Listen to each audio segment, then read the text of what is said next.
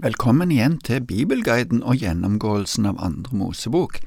Vi har sett på påskefeiringen og den siste plagen over Egypt, dom og frelse i samme runde, avhengig av om folk hadde søkt ly bak blodet eller ikke.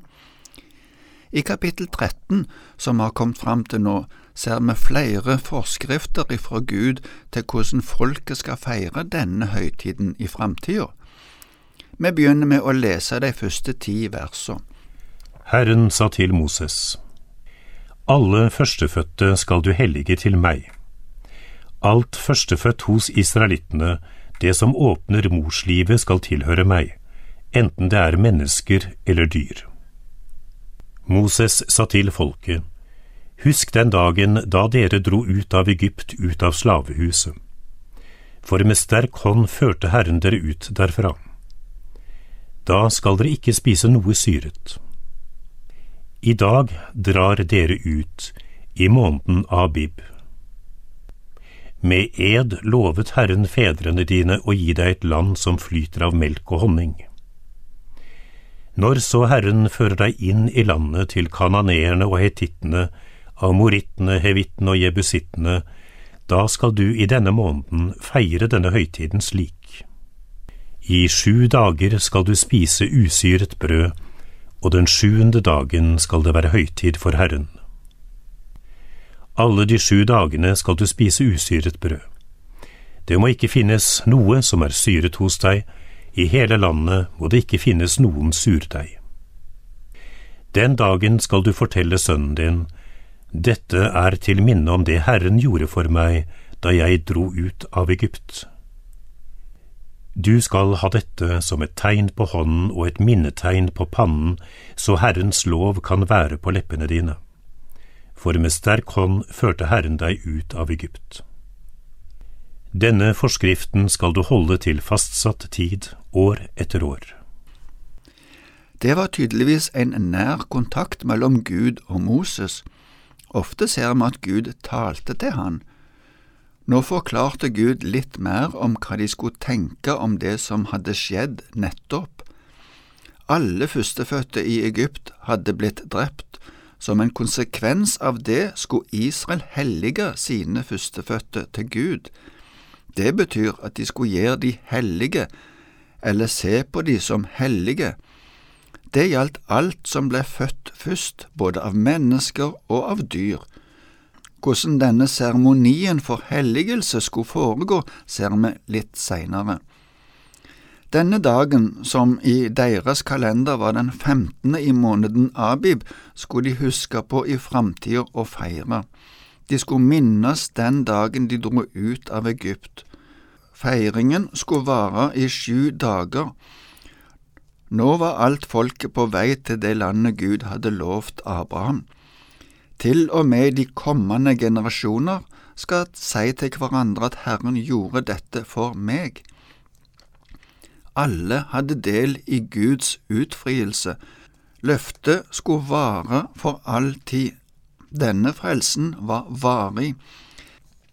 Israelittene skulle lage til et minne som en liten boks som ble festet til hånda og til pannen mens de ba, som en påminning om den utfrielsen de opplevde.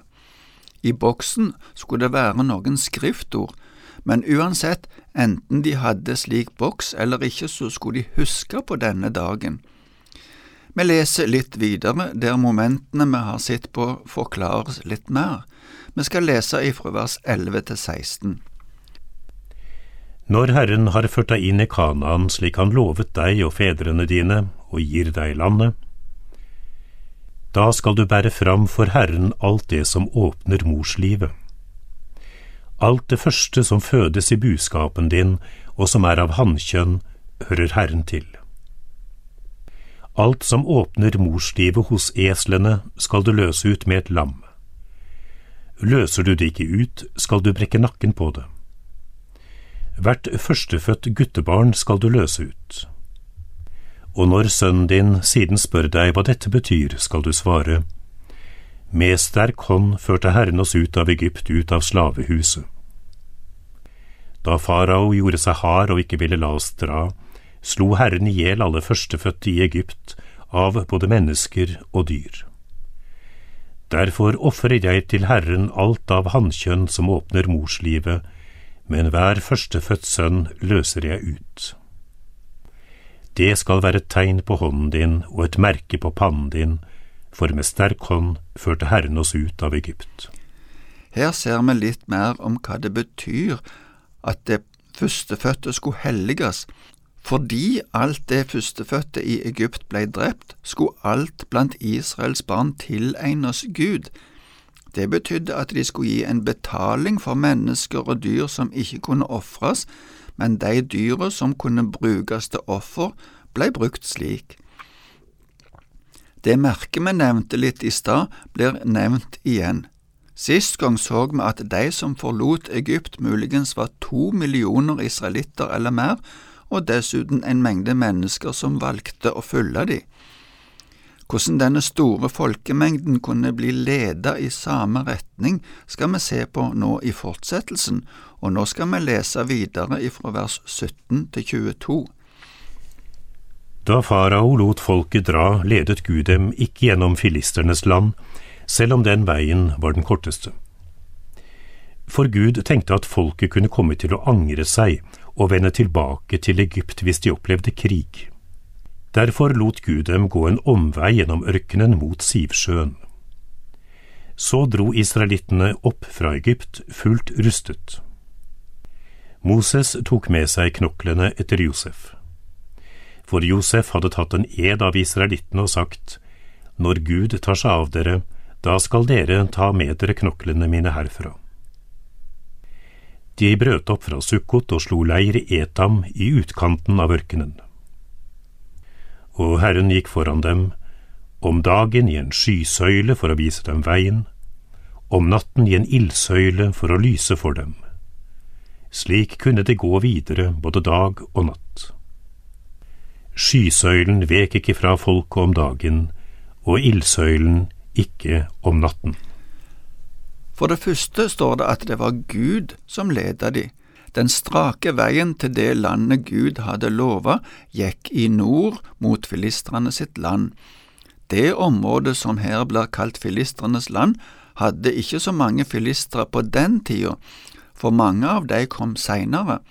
Dette navnet er kanskje lagt til seinere som en forklaring, men det bodde noen filistre og en del andre krigerske stammer. Amalekittene streifa omkring i et stort område på den tida, men Gud leda ikke folket på den korteste veien. Hvorfor ikke? Det står at Gud tenkte at det kunne oppstå situasjoner, for eksempel angrep ifra slike krigerske stammer som jeg nevnte.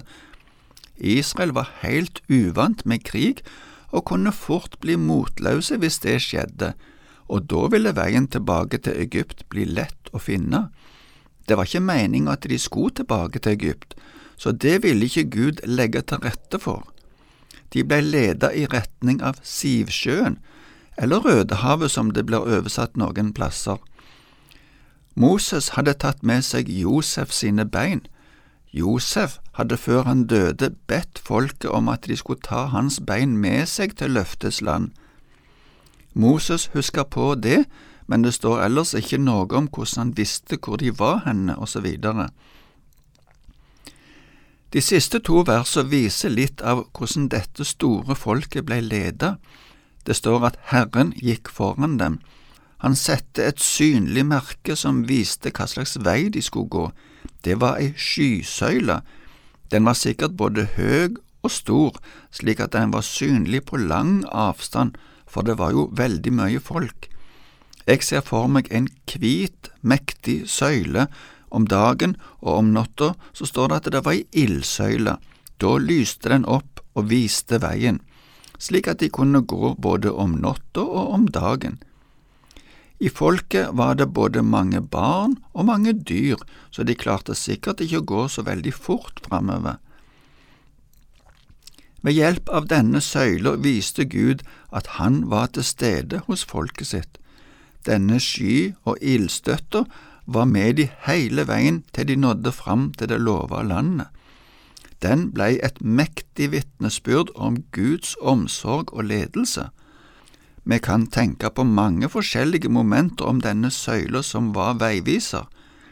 Jesus sa Jeg er veien, og han sa Jeg er verdens lys, den som følger meg, skal ikke vandre i mørket, men ha livets lys. Det var viktig for israelsfolket å følge etter denne søyla, og det er viktig for oss å følge etter Jesus om vi skal nå fram til det landet han har lovt oss. Hos profeten Jesaja i det fjerde kapittelet i vers fem og seks kan vi lese Så skal Herren skape en røyksky om dagen og røyk og lys fra en flammende ild om natten over hele Sionfjellet og over møtestedene der. For over all herlighet skal det være et vern, en løvhytte som skygger for heten om dagen og gir ly og skjul mot uvær og regn. Vi ser at skya også ga skygge mot den brennende sola og ly mot rovdyr og andre farer. Og vi kunne sikkert funnet flere momenter, men du får tenke litt videre på dette sjøl. Takk for i dag.